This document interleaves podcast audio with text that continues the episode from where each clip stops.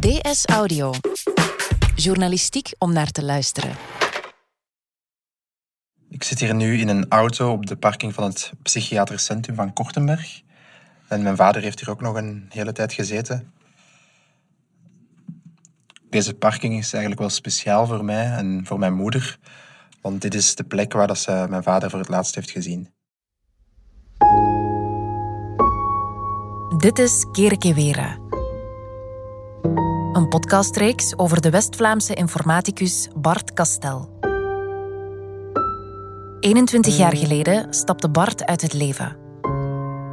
Zijn zoon Brecht was toen acht. Ik ben Brecht Kastel en als journalist doe ik onderzoek naar de impact van zelfdoding. Sinds het overlijden van mijn vader in 1999 daalde het aantal zelfdodingen met 20% Maar het blijft een groot probleem in België. Met vijf zelfdodingen per dag. Voor deze podcast dook ik in dagboeken en brieven die mijn ouders naar elkaar schreven. Bovendien sprak ik met vier sleutelfiguren in het verhaal van mijn vader. In vier afleveringen laat Brecht hen aan het woord en krijgt op die manier een beter beeld van wie hij was. De broers van Brecht schreven en speelden de muziek voor deze podcast. In deze aflevering hoor je het verhaal van Dirk.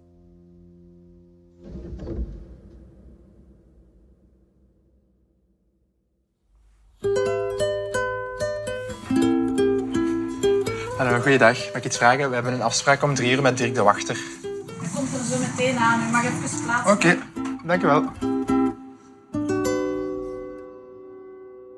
Dirk de Wachter was niet de persoonlijke psychiater van mijn vader. Dat was iemand anders, die is ondertussen overleden. Dirk was eigenlijk de psychiater voor zowel mijn moeder als mijn vader. Ze gingen samen bij hem in therapie toen het thuis heel moeilijk liep. Hij kan zich de specifieke situatie van mijn ouders niet herinneren. Dat is ook heel normaal, het is meer dan twintig jaar geleden. En bovendien heeft hij ook een goede reden om niet in die oude dossiers te gaan kijken. Het medisch geheim gaat over de dood heen. Hè? Dus ook als mensen overleden zijn, is het niet de bedoeling dat, dan, dat we dan daarna ineens al zijn hartsroerselen naar buiten zouden brengen. Over het persoonlijke verhaal van mijn vader gaat het dus niks lossen. Maar ik wilde hem toch graag spreken, want die plek is bijzonder. Op de parking na een sessie bij de wachter hebben mijn moeder en vader elkaar voor het laatst gezien. Niet veel later is hij dan uit het leven gestapt. En ik zat ook gewoon met een heleboel vragen over die psychische ziekte waar mijn vader mee kampte.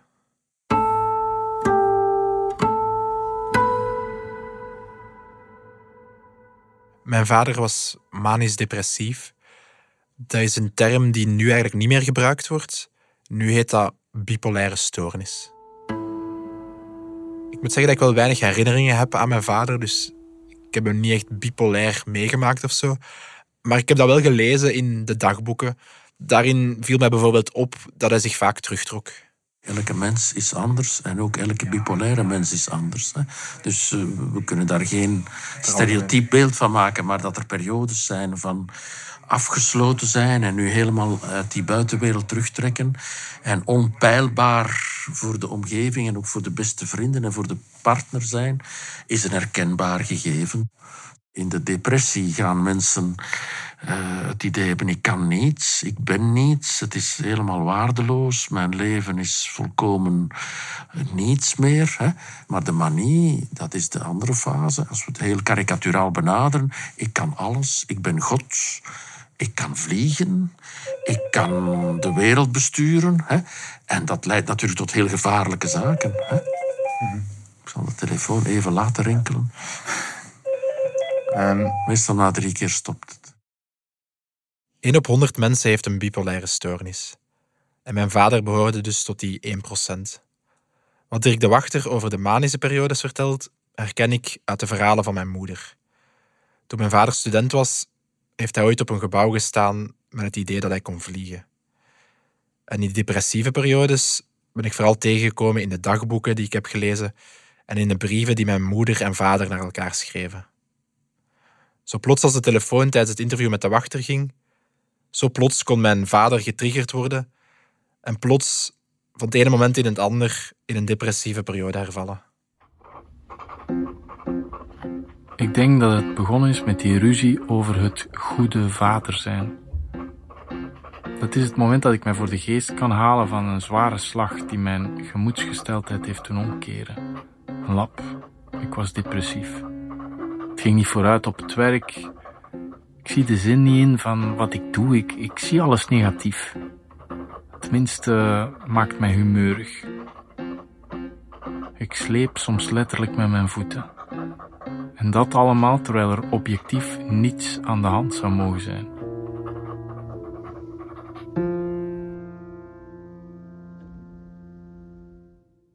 Mijn ouders schreven brieven naar elkaar als een manier om aan hun relatie te werken.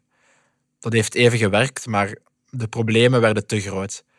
En het is ook daarom dat zij naar de wachter zijn gestapt voor contextuele therapie.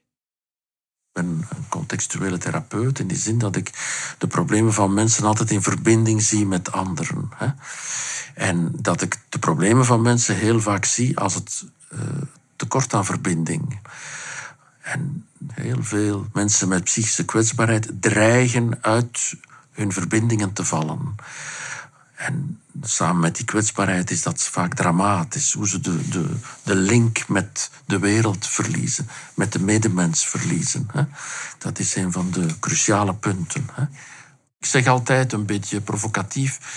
Uh, iemand die op de spoedgevallen komt met een psychiatrisch probleem, daar zou de familie verplicht moeten gezien worden. Met dezelfde verplichting als dat je iemand met pijn op de borst een cardiogram afneemt. Uh, omdat ja, psychiatrische kwetsbaarheid en problematiek is altijd interactief, heeft altijd te maken met de omgeving. Dus die daarbij betrekken vind ik een noodzakelijk iets. Ja. En dus ook in de verdere behandeling. Uh, wat ik doe, dat is aan mensen zeggen dat dat mijn manier van werken is. En dat, ik dat, dat dat voor mij erg belangrijk is. Als die relaties en interacties niet mogen betrokken worden, dan, dan ben ik een chirurg met één arm. Om dat zo te zeggen. Liefste Ria, op het werk heb ik geluk dat het heel kalm is. Misschien is mijn depressie de terugslag van de heel drukke periode ervoor. Ik moet toegeven dat ik je een beetje als slachtoffer gebruik als ik depressief ben, want op het werk moet ik hoe dan ook de schijn een beetje hoog houden en nu en dan eens een glimlach of zo produceren. Daar mag ik wel depressief zijn, maar ik mag het niet laten blijken. Thuis kan ik het echter wel laten blijken. Zo van, ze is de enige die ik het kan laten zien. Ze zal het zien. Hier thuis ben jij de enige persoon die het kan voelen.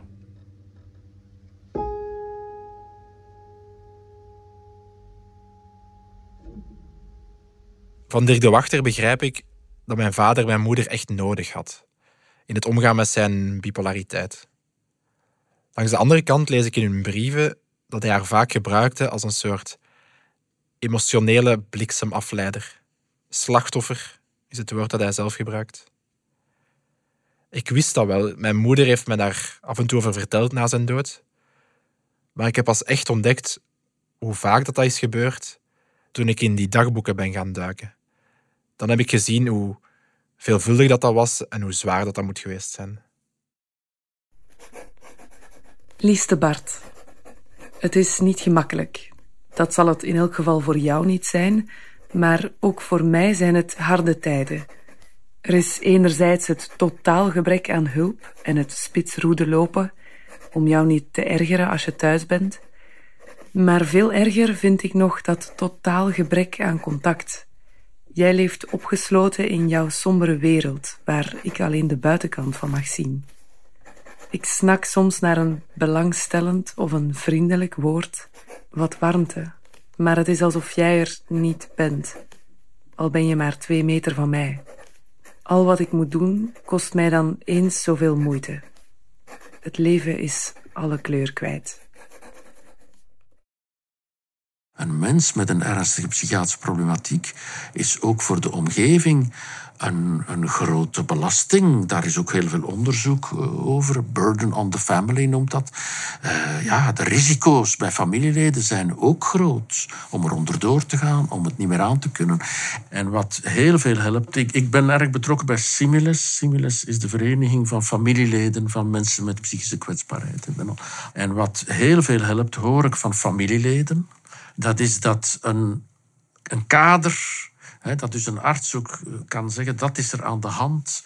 Dat is erg belangrijk. Om familieleden ook ergens gerust te stellen en een verklaring te geven. En hen ook een stuk te onschuldigen. Hè. Ah, nu bestaan we dat wel. Ons vader, ons moeder, ons broer is geen moeilijke mens. Of, maar dat is iemand die met periodes, bij bipolariteit, heel drukdoende is.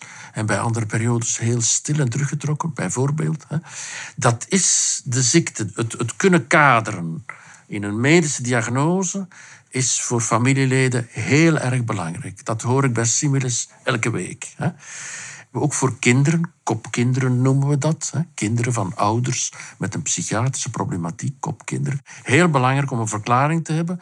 Papa is heel boos. Niet omdat ik stout geweest ben, maar omdat papa nu heel drukdoende is. Ik ben dus zelf zo'n kopkind. En zo zijn er in Vlaanderen ongeveer 380.000. Het zoeken naar goede interactionele evenwichten met een medische problematiek, dat is een van de uitdagingen in de psychotherapie.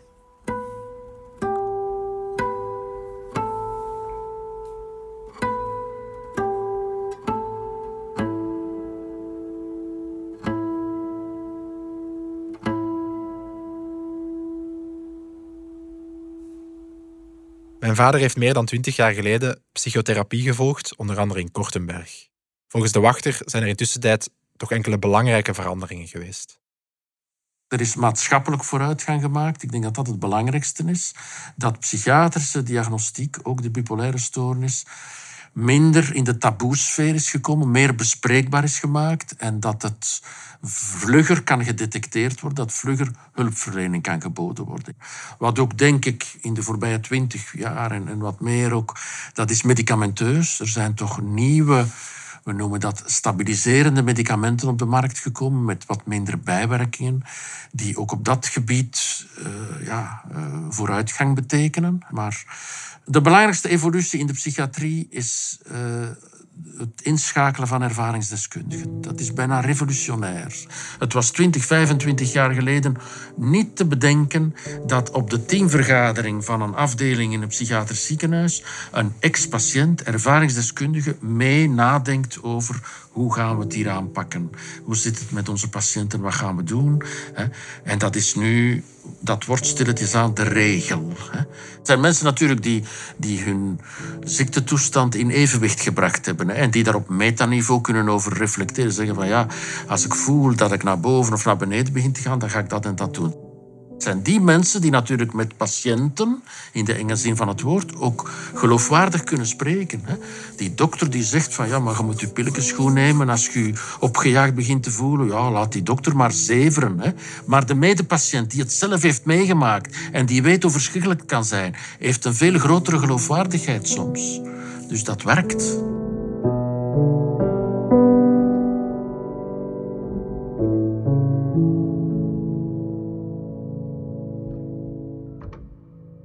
Mijn vader heeft hulp gezocht in de psychiatrie, maar stapte uiteindelijk toch uit het leven.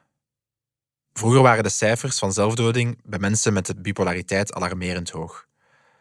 Maar sinds de ontdekking van lithium als stabiliserend geneesmiddel in de jaren 50 is dat wel verbeterd. Het risico blijft wel hoog. Mensen met een stemmingstoornis, zoals bijvoorbeeld bipolariteit, hebben twintig keer meer kans dan de algemene bevolking. Maar leven met bipolariteit is vandaag zeker mogelijk al zal het hoe dan ook een impact hebben. Als de ziekte langer duurt en men vindt een evenwicht en hopelijk ook een soort herstel, dat men in het leven een positie vindt die, die ergens zinvol kan zijn en waarde kan hebben.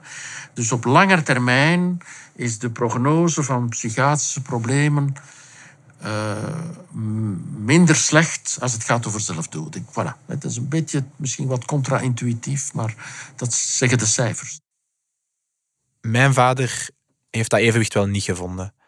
Ik vroeg mij ook af hoe het voor zo'n psychiater is om op zo'n manier een patiënt te verliezen. Die verantwoordelijkheid weegt wel, hè? Soms, eh, ja, dat kan ook alle kanten uit. Soms is dat uh, ja, onvermijdelijk en zeggen we, maar kijk, dit is natuurlijk wel erg, maar dit, dit is ook een verlossing voor, voor deze mens. En dat, dat, dat, die gevoelens spelen ook soms. Hè. Maar soms komt het heel erg binnen. Hè. Mensen waar dat je jaren mee bezig bent, die een stuk van je leven zijn geworden. Soms mensen waar je je heel erg kunt in herkennen. Hè. Het is niet omdat men psychisch kwetsbaar is dat er geen herkenningen zijn, soms in tegendeel waar dat je bijna zelf ook in mee zit zo. Ja, en alles daarop en daaronder. De interessantste beroepen zijn de moeilijke beroepen. Hè? Dat toont zich hier ook. En het bezig zijn met mensen en heel nabij komen. Heel erg kunnen geraakt worden. En dan toch kunnen afgrenzen. Naar huis kunnen gaan. En met vrouw en kinderen kunnen, kunnen leven in uw eigen leven daar zelf over spreken, daar zelf ook in intervisies en supervisies kunnen over spreken, is erg belangrijk voor therapeuten. Heel erg belangrijk. Wanneer een cliënt dan overlijdt, gaat de wachter dan ook heel concreet echt afscheid nemen van die persoon. Als iemand sterft, door zelfdoding, maar ook uh, door andere omstandigheden, dan ga ik meestal naar de begrafenis. Ja, niet naar de koffie, maar wel naar de begrafenis. Voor de familie enzovoort, als een, als een blijk van, van medeleven, maar ook voor mijzelf, om daar ergens in een, op een rituele manier voor mijzelf ook ergens een plaats te geven. En wat hij dan ook heel bewust doet, is die nabestaanden opzoeken. Wat ik in de regel doe, is na een zelfdoding een gesprek hebben met de familie ook. Hè? Uh, ja, en die gevoelens op zijn minst plaats laten. Ook gevoelens van kwaadheid naar de arts. Want heel dikwijls zeggen mensen alleen, en hij is hier op consultatie geweest en heb je dat dan niet gezien en heb jij niks kunnen doen? Ja, die machteloosheid, dat is heel moeilijk. Hè? De psychiatrie zit daar in een heel moeilijke spagaat. Enerzijds worden wij beschuldigd, soms terecht, om mensen te snel op te sluiten. Hè? Hun vrijheid te ontnemen, uh, medicatie te geven die ze niet willen. Die kritiek kan ik volgen. Maar aan de andere kant worden wij ook geconfronteerd met, met ja, machteloosheid van mensen die heel suicidaal zijn, die we dan laten gaan. Die we dan zeggen, oké, ja, we spreken volgende week af. Kan ik met u afspreken dat er ondertussen niks gebeurt? Of dat je mij... Maar als mensen dan toch iets aanvangen, ja, dan voelen wij ons wel bijzonder mislukt. Denk, had ik nu toch niet moeten tegen zijn goesting de vrederechter uh, erbij halen enzovoort. Ja, daar zit je mee. Hè? En familieleden zitten daar ook mee en gaan dan zeggen: dokter gaat dat moeten doen, hoe is het nu mogelijk enzovoort. Hè? Dat gebeurt, dat gebeurt. Maar dat, dat, dat is het risico van het vak, ja. ja. Ik, ik had dat deze week nog. Een patiënt die ik al jaren ken en die niet zo goed is en die is er niet. Dan dat ik, het is toch niet waar zeker? Er is toch niks gebeurd? Ik heb een kwartiertje gewacht, omdat mensen ook wat te laat mogen komen. Maar als natuurlijk mensen heel kwetsbaar zijn... en als ik daarmee inzit dat er iets zou kunnen gebeurd zijn... dan bel ik soms, dat heb ik nu gedaan... En die dame voelde zich heel schuldig dat ze mij niet had verwittigd. Dat draaide zich dan om. Dat dreigt pretentieus te klinken. Ik hoop dat dat niet zo overkomt. Maar ik heb in de voorbije dertig jaar heel weinig suicides gehad in mijn praktijk. En dat is niet omdat ik een goede psychiater zou zijn, wat ik wel hoop te zijn, maar vooral als mensen hier komen en ze spreken al, dan is het belangrijkste al gebeurd. Ik denk dat spreken cruciaal is. Spreken over uw gevoel, spreken over uw miserie, over uw verdriet. Dat taboe doorbreken. Dat taboe doorbreken bij de mens die lijdt, zodanig dat hij spreekt. Maar het taboe doorbreken natuurlijk bij de bevolking die moet luisteren, hè, die het moet horen. Hè. Maar ook wel de gewone mensen onder elkaar. Hè. Ik denk als we dat, en daarom zit ik hier te praten met u, hè, als dat in de bevolking een beetje uit de taboesfeer kan komen en als dat kan bespreekbaar gemaakt worden, als mensen met gevoelens zitten en ze kunnen dat delen, dan maken we denk ik een grote stap vooruit.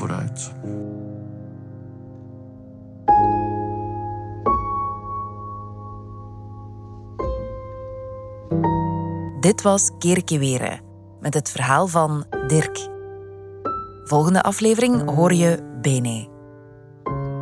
Wie met vragen zit rond zelfdoding, kan terecht bij de zelfmoordlijn op het gratis nummer 1813 en op de site zelfmoord1813.be. Voor algemene vragen over onze podcasts kan je terecht op dsaudio.standaard.be. En wie meer wil weten over Similes, kan terecht op similes.be. Deze podcast werd gecreëerd door Brecht Kastel, met steun van Fons Pascal de Kroos en met dank aan Wouter van Driessen.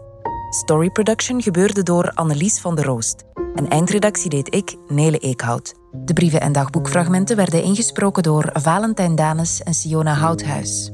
De muziek werd gecreëerd door de broers van Brecht, Stijn en Dieter Kastel, in samenwerking met Brecht Plasgaard.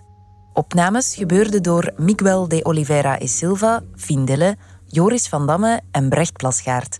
Audioproductie gebeurde door Brecht Plasgaard. Alle credits vind je via www.standaard.be-ds audio.